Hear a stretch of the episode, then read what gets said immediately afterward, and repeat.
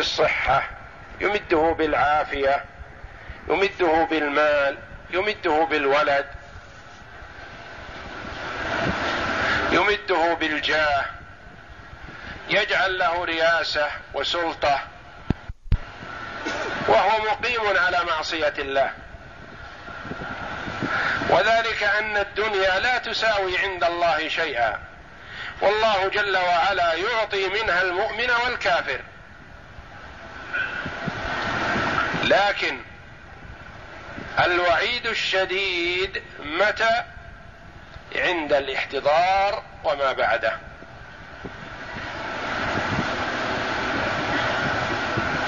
أولئك أي هؤلاء الذين كذبوا بآيات الله ينالهم نصيبهم من الكتاب. يعطون ما قدر لهم ازلا من الرزق. والعمر الذي كتب لهم ما يقصر الله أعمارهم يعطيهم أعمارهم التي قدرها.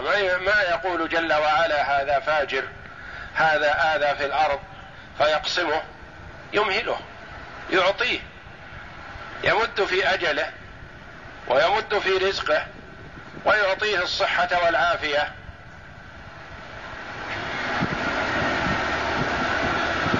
حتى إذا جاءتهم رسلنا يتوفونهم. يعطون من الدنيا ما قدر لهم إلى غاية. ما هذه الغاية؟ مجيء الرسل. من المراد بالرسل هنا؟ ملك الموت واحد. ملك الموت واحد لكن له أعوان يعاونونه. من هم؟ أعوانه أعوانه كثير من ملائكة للرحمة وملائكة للعذاب. يأتون معه. فإذا كان صالحا جاءت ملائكة الرحمة فإذا قبض ملك الموت روح العبد ما تركوها في يده طرفة عين فيأخذوها تأخذها ملائكة الرحمة وتحنطها بحنوط من حنوط الجنة وتكفنها بكفن من كفن الجنة وتصعد ولها ريح طيبة.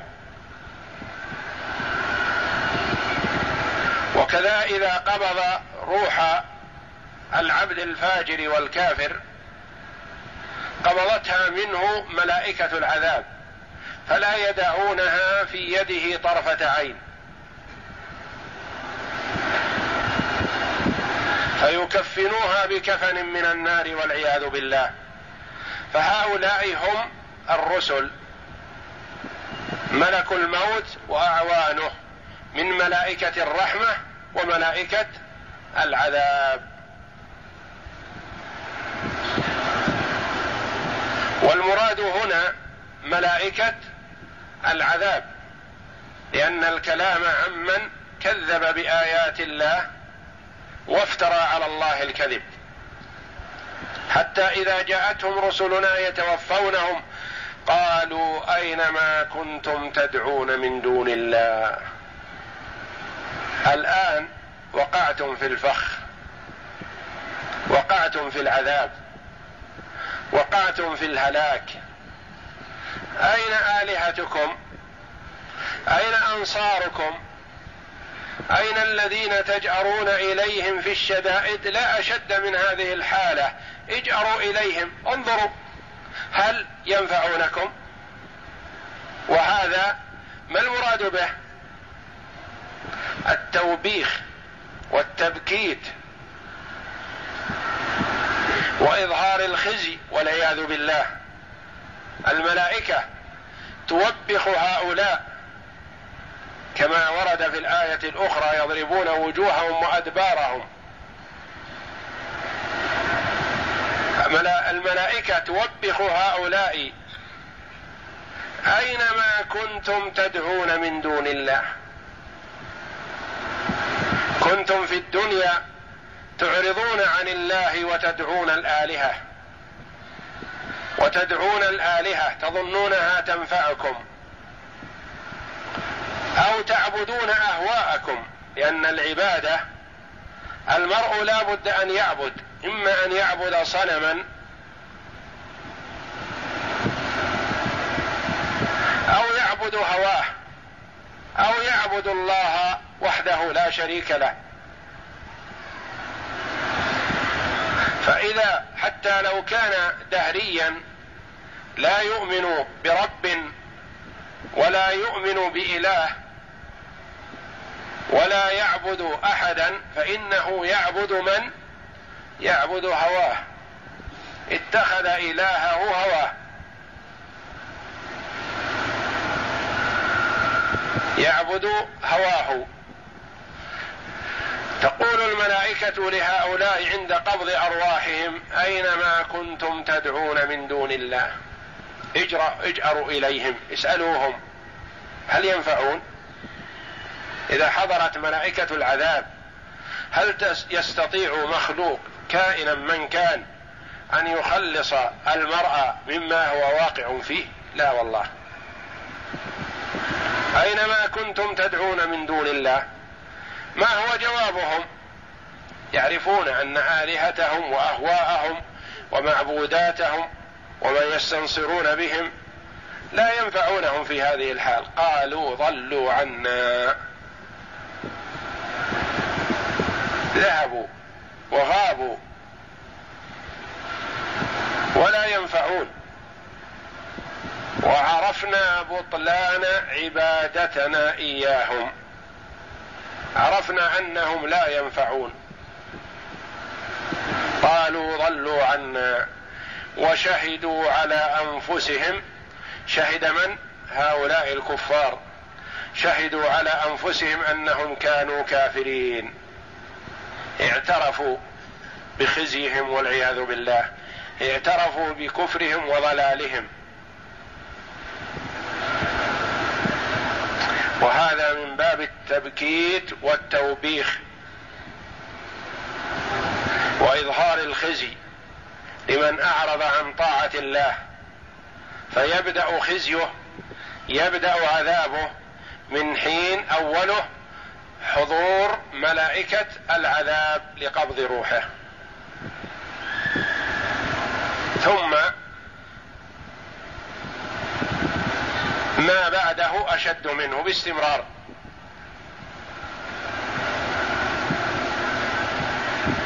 قالوا ضلوا عنا وشهدوا على أنفسهم يعني اعترفوا بكفرهم حين لا ينفع الاعتراف. ولا يفيد. لأن المرء إذا اعترف بكفره وضلاله وهو في حال الحياة ثم تاب ورجع إلى الله وندم على ما فرط منه فإنه ينجو ويسلم. إذا رجع إلى ربه في حال الحياة والصحة أو في حال المرض قبل أن تصل الروح إلى الحلقوم. أما إذا عاين إذا عاين ملائكة العذاب فإنها لا تنفع التوبة حينئذ ولا ينفع الاعتراف ولا ينفع الندم. قالوا ضلوا عنا وشهدوا على أنفسهم أنهم كانوا كافرين. اقرأ. بالله من الشيطان الرجيم. فمن أظلم ممن افترى على الله كذبا أو كذب بآياته أولئك ينالهم نصيبهم من الكتاب. حتى إذا جاءتهم رسلنا يتوفونهم قالوا قالوا أين ما كنتم تدعون من دون الله؟ قالوا ضلوا عنا. وشهدوا على أنفسهم أنهم كانوا كافرين. قال ابن كثير رحمه الله تعالى يقول تعالى فمن أظلم ممن افترى على الله كذبا أو كذب بآياته أي لا أحد أظلم ممن افترى ممن افترى الكذب على الله أو كذب بآياته المنزلة. هنا أن الاستفهام مرادا به النفي. لا أحد. نعم. أولئك ينالهم نصيبهم من الكتاب. اختلف المفسرون في معناه. فقال العوفي عن ابن عباس رضي الله عنه ينالهم ما كتب عليهم وكتب لمن كذب على الله أن وجهه مسود. وقال علي بن أبي طلحة عن ابن عباس رضي الله عنه يقول نسيبهم من الأعمال من عمل خيرا جزي به ومن عمل شرا جزي به. وقال مجاهد ما وعدوا به من خير أو شر. وكذا قال قتادة والدحاك وغير واحد. واختاره ابن جرير وقال محمد بن كعب القرزي أولئك ينالهم نصيبهم من الكتاب أي عمله ورزقه وأمره. وكذا قال الربيع بن أنس وعبد الرحمن بن زيد بن أسلم وهذا القول قوي في المعنى والسياق يدل عليه وهو قوله حتى إذا جاءتهم رسلنا يتوفونهم. ونظير المعنى في هذه الآية قوله إن الذين إن الذين يفترون على الله الكذب لا يفلحون. متاع في الدنيا ثم إلينا مرجئهم ثم نذيقهم العذاب الشديد ثم نذيقهم العذاب الشديد بما كانوا يكفرون.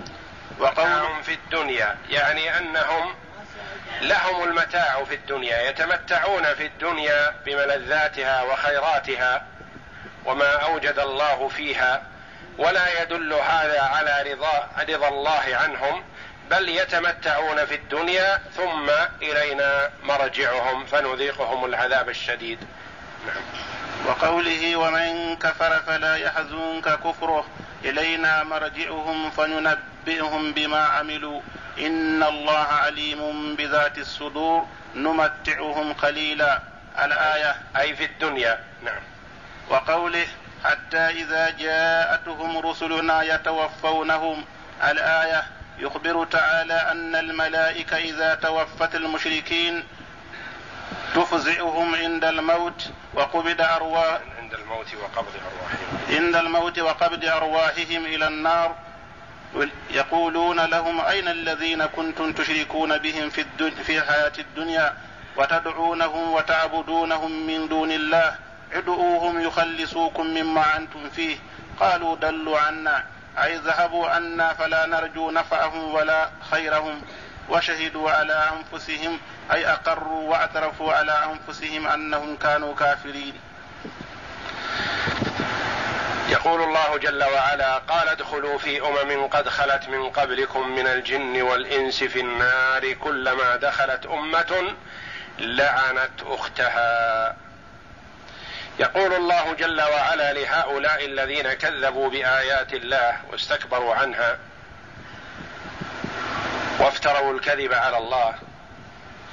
ادخلوا في أمم قد خلت من قبلكم من الجن والإنس في النار. ادخلوا في أمم في جملتهم. ادخلوا معهم أو في جملتهم. لستم وحدكم أيها الكفار المخاطبون بهذا بل قبلكم أناس كثير وأمم كثير. فلكم سلف. ادخلوا في أمم قد خلت يعني مضت.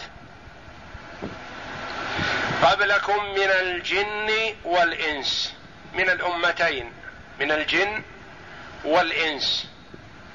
لأن الجن فيهم مؤمنون وفيهم كفار والإنس كذلك. ادخلوا في أمم قد خلت من قبلكم من الجن والإنس في النار. أي مآل الجميع مآل المكذبين مآل الذين افتروا على الله الكذب مآلهم النار. كلما دخلت أمة لعنت أختها. إذا دخلت جماعة على جماعة قبلها بدل ما يسلمون عليهم ويبشون في وجوههم ويفرح بعضهم بلقاء بعض يتلاعنون والعياذ بالله. يقابلونهم باللعنة. كلما دخلت أمة لعنت أختها. يقابلونهم باللعن. كما قال الله جل وعلا الأخلاء يومئذ بعضهم لبعض عدو إلا المتقين. الأخلاء من هم؟ الأصدقاء والقرناء والمتآلفين على المعصية. الأخلاء يومئذ يعني يوم القيامة. بعضهم لبعض عدو. إلا من؟ المتصفين بصفة التقوى. فإنهم يسلم بعضهم على بعض ويبش بعضهم في وجه بعض ويفرح بعضهم بلقاء بعض. حتى ما كان بين المتقين من حزازة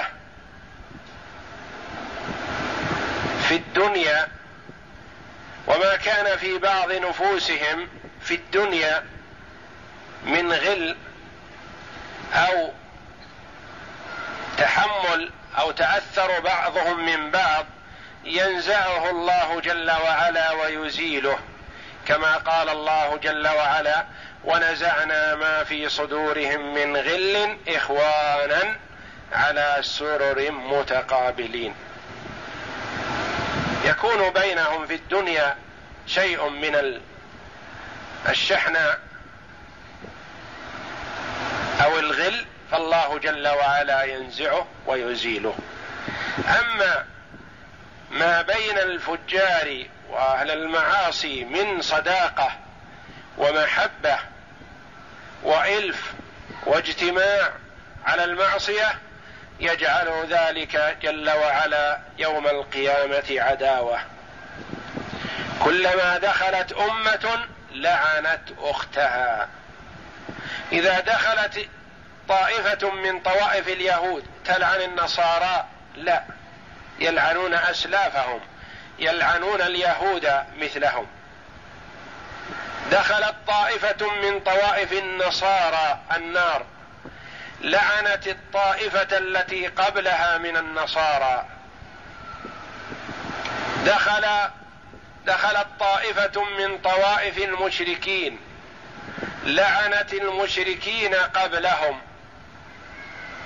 كلما دخلت أمة لعنت أختها أي طائفتها. لم تلعنها؟ اليهودي يقول لأسلافه أنتم السبب في كوني على اليهودية أنا اقتديت بكم فغررتموني. والنصراني يقول كذلك لأسلافه والمشرك يقول كذلك لأسلافه والعامل بالكبائر والمعاصي المهلكة. يقول لمن سبقه ممن مثله أنا اقتديت بكم تعاملتم بالربا فتعاملت مثلكم ظننت أنه جائز بفعلكم فاقتديت بكم فأهلكتموني. علمت أنكم وقعتم في الخمر والزنا والفجور فاقتديت بكم. ما مسكم عذاب في الدنيا فاقتديت بكم. فيلعن بعضهم بعضا والعياذ بالله. كلما دخلت أمة جماعة لعنت أختها. يعني لعنت أسلافها. لعنت من مثلها في العقيدة والدين. على الضلال والفجور والكفر والعياذ بالله.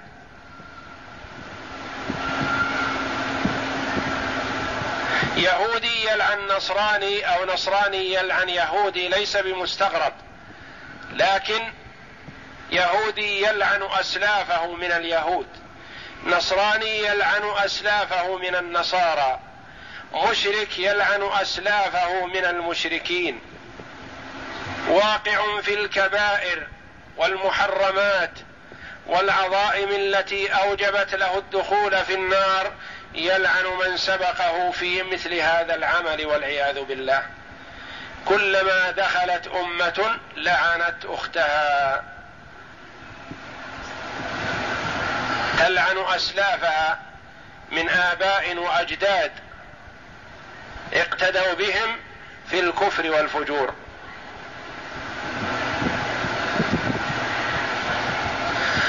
حتى إذا اداركوا فيها. يتتابعون فوجا إثر فوج. وكلما دخل فوج لعن من قبله. حتى إذا اجتمعوا. حتى إذا اداركوا فيها اجتمعوا. اجتمع الأولون والآخرون في نار جهنم والعياذ بالله. هل تعقد بينهم الصحبة؟ تعود الصحبة بينهم كما كانت في الدنيا؟ لا. حتى إذا اداركوا فيها جميعا قالت أخراهم لأولاهم. ما المراد بأخراهم وما المراد بأولاهم؟ قولان. قالت أخراهم أي آخرهم دخولا النار المتأخرون عنهم في الزمان. قال أهل القرن لمن قبله من القرون السابقة.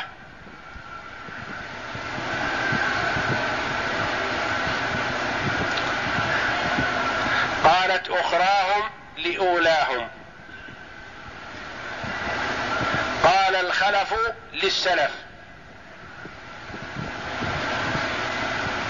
والقول الآخر قالت اولاء أخراهم لأولاهم.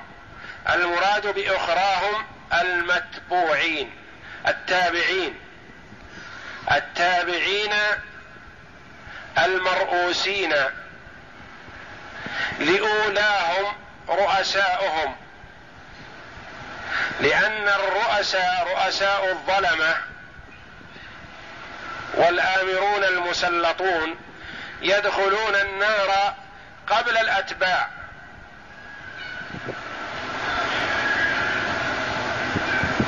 فهم متقدمون عليهم في الدخول في النار وإن كانوا وإياهم في عصر واحد. قالت أولاهم لأخراهم قالت أخراهم لأولاهم. الأخرى الخلف قالوا لمن؟ للسلف. القول الثاني قال الم... التابعين للمتبوعين.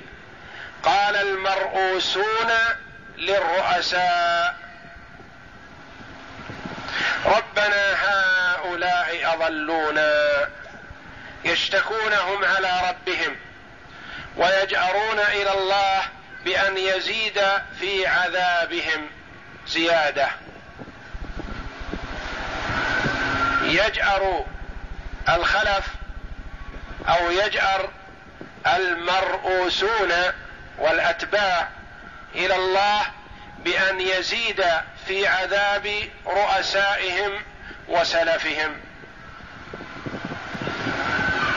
ربنا هؤلاء أضلونا يعني هم السبب في ضلالنا. نحن تبعناهم اقتدينا بهم. أطعناهم عصوا الله فأطعناهم في المعصية وقدمنا طاعتهم على طاعتك فهؤلاء هم الذين صرفونا عن الصراط المستقيم. ربنا آتهم عذابا ضعفا من النار يعني زد في عذابهم والضعف مضاعفة الشيء مرة أو مرات. تقول هذا ضعف هذا.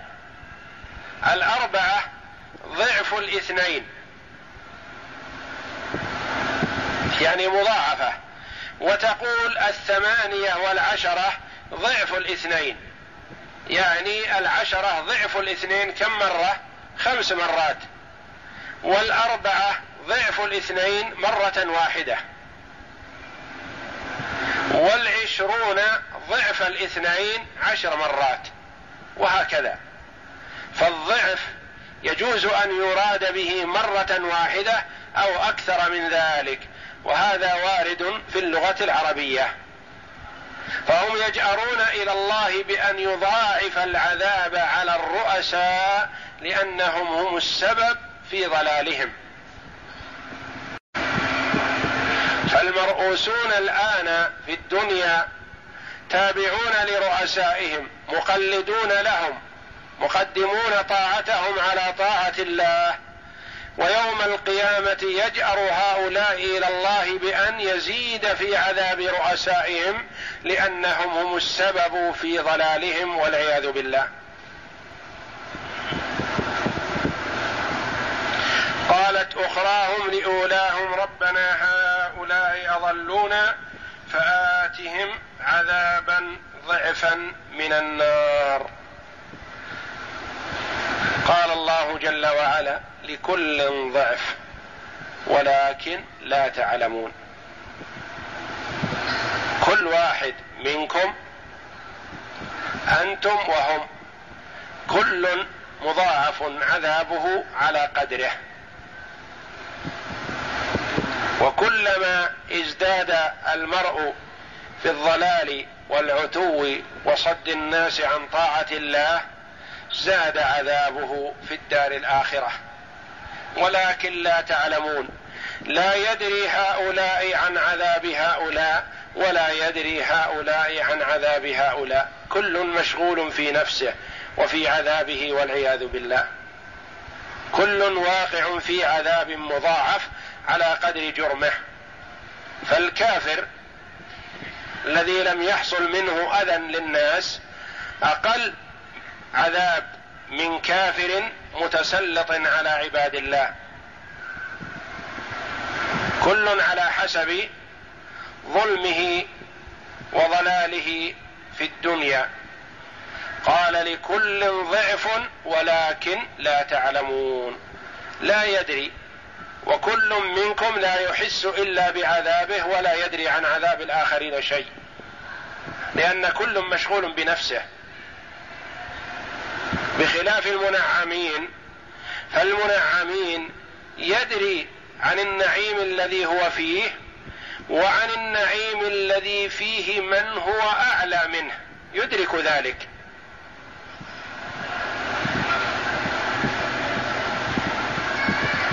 ولهذا ورد أن أهل الجنة من كان أعلى منزلة يزور من هو أدنى منه منزلة.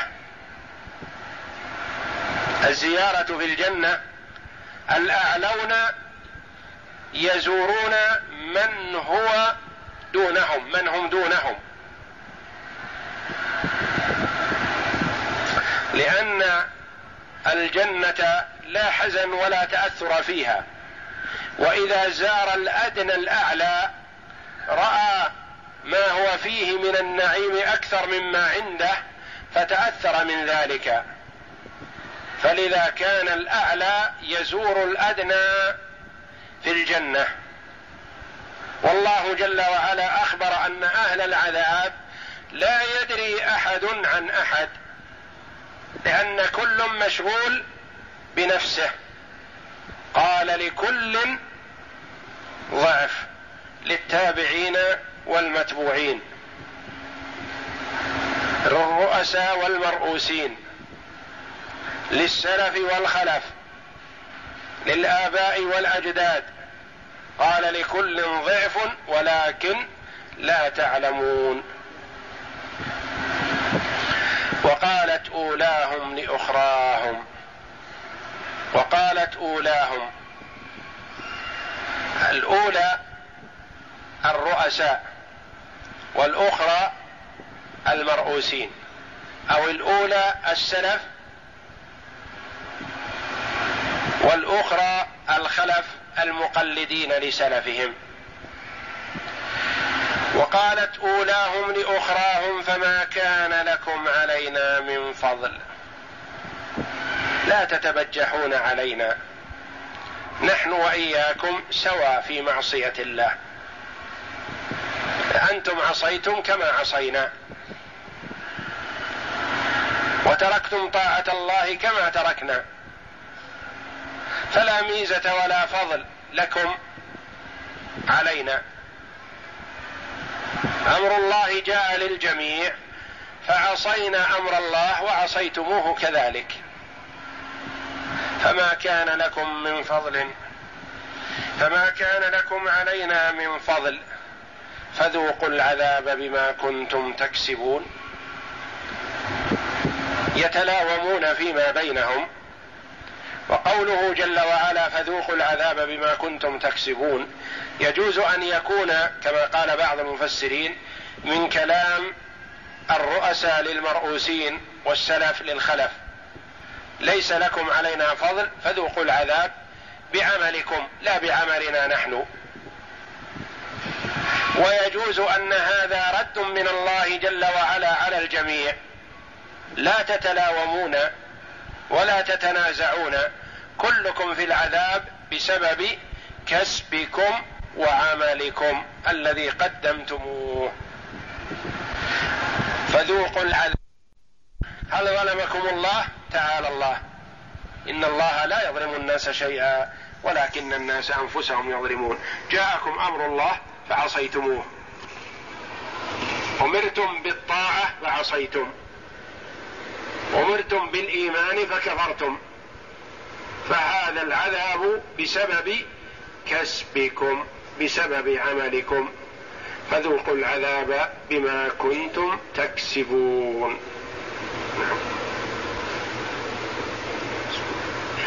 قال ادخلوا في أمم قد خلت من قبلكم من الجن والإنس في النار.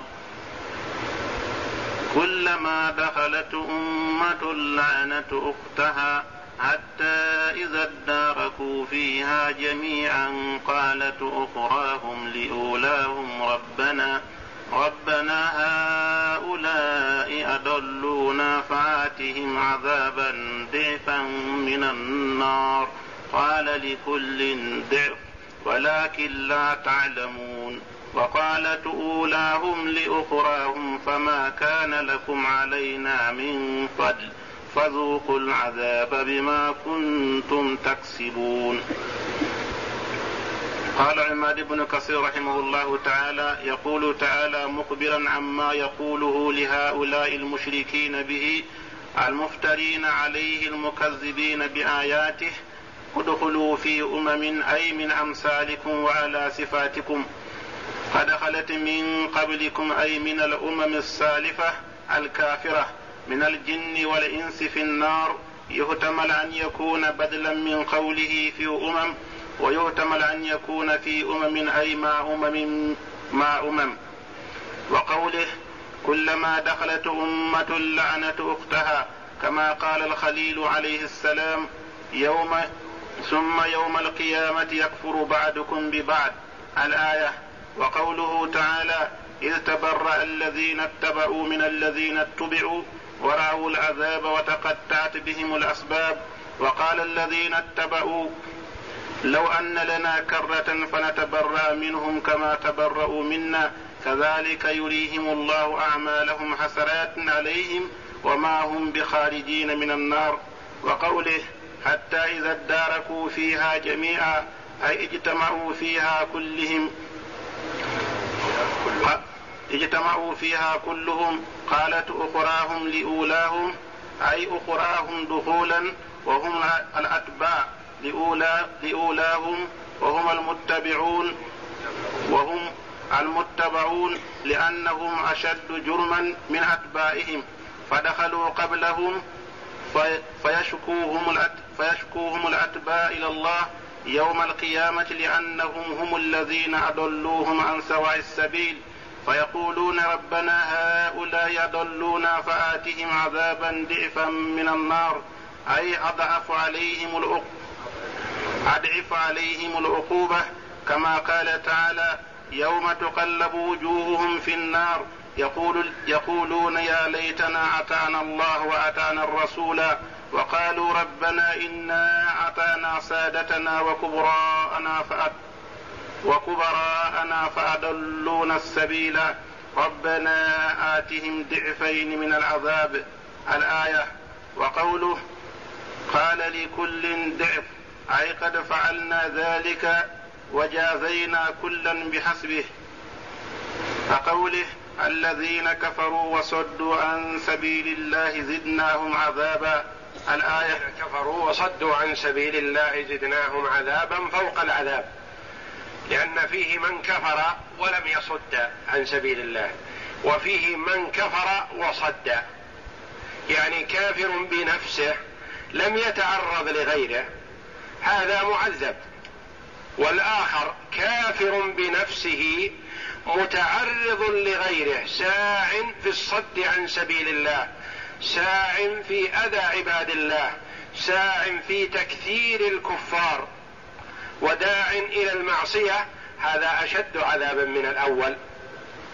زدناهم عذابا فوق العذاب. نعم. وقوله وليحملن أثقالهم وأثقالا مع أثقالهم. وقوله ومن أوزار الذين يدلونهم بغير علم.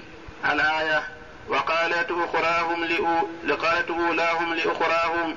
أي قال المتبعون للأتباع فما كان لكم على قال المتبعون للأتباع فما كان لكم علينا من فضل. قال السدي فقد ضللتم كما ضللنا. يعني لا ميزة لكم علينا.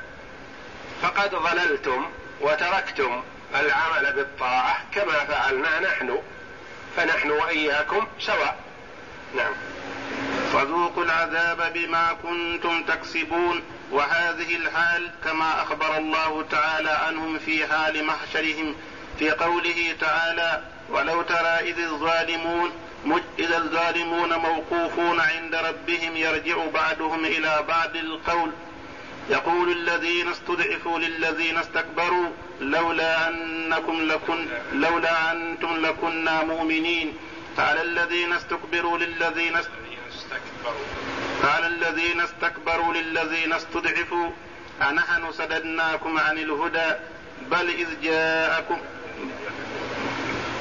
أنحن سددناكم عن الهدى بعد إذ جاءكم بل, بل كنتم مجرمين وقال الذين استضعفوا للذين استكبروا بل مكروا الليل والنهار إذ تأمروننا أن نكفر بالله ونجعل له أندادا ونجعل له أندادا وأسروا الندامة لما رأوا العذاب وجعلنا الأغلال في أعناق الذين كفروا هل يجزون إلا ما كانوا يعملون الله جل وعلا يقص هذه الآيات على عباده ليحذرهم ويبين جل وعلا المصير والمآل قبل أن يكون.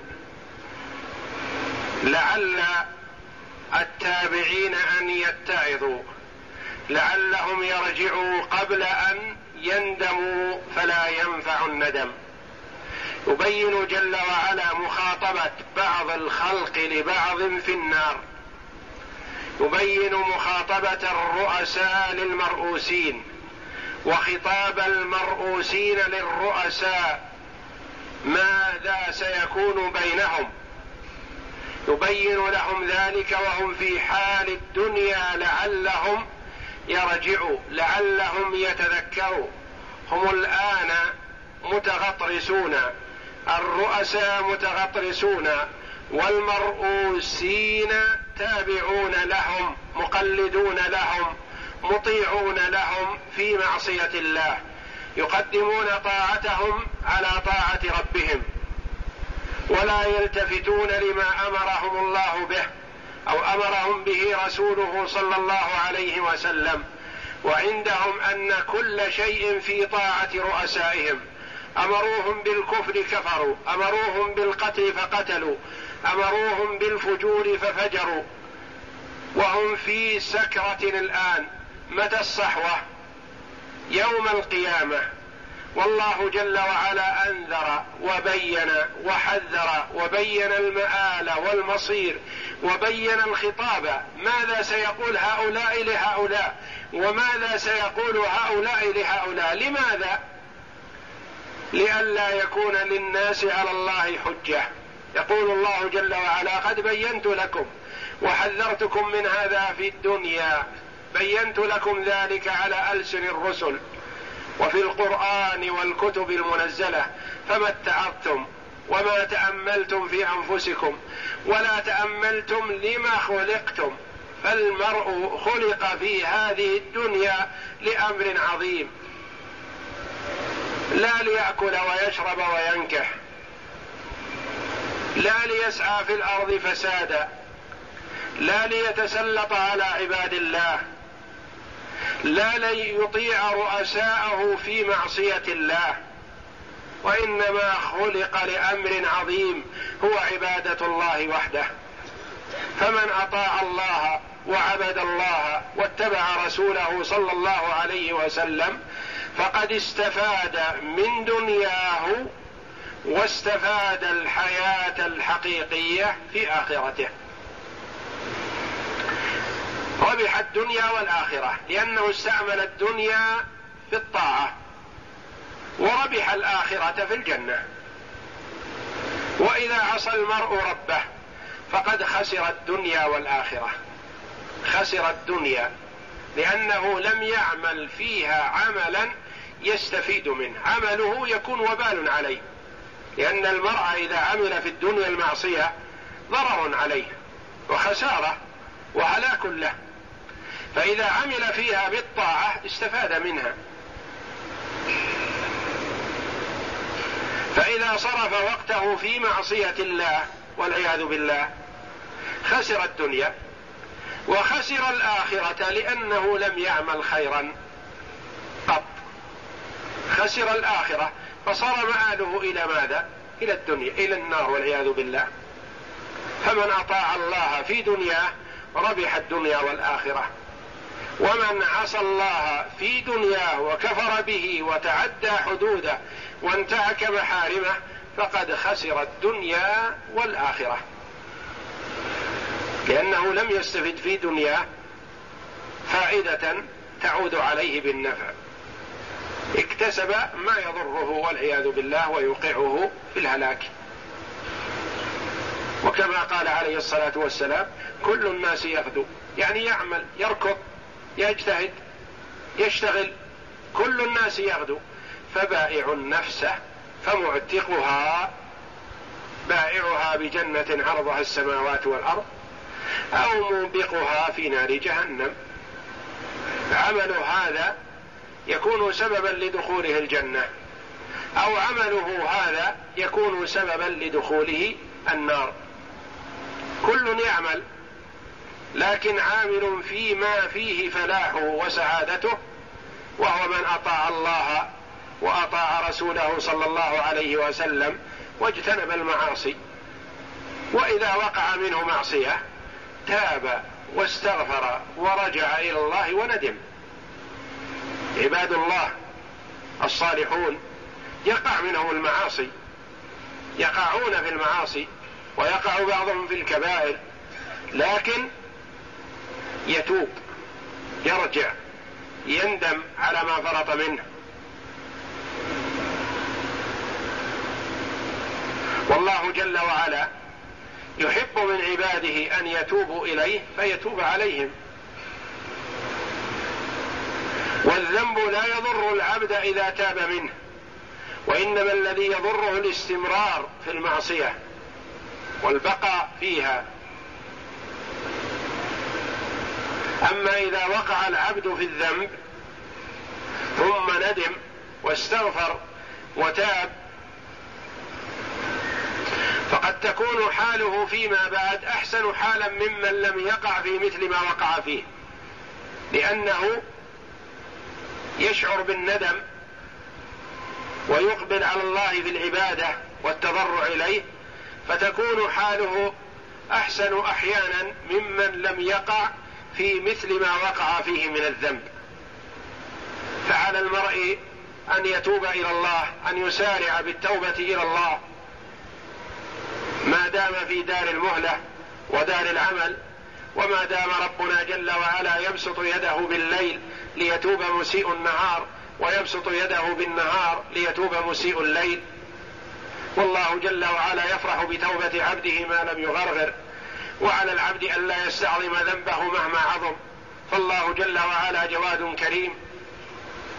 قل يا عبادي الذين أسرفوا على أنفسهم لا تقنطوا من رحمة الله إن الله يغفر الذنوب جميعا. فالواجب على العبد الذي يريد نجاة نفسه المسارعة والمبادرة بالتوبة إلى الله والله جل وعلا جواد كريم.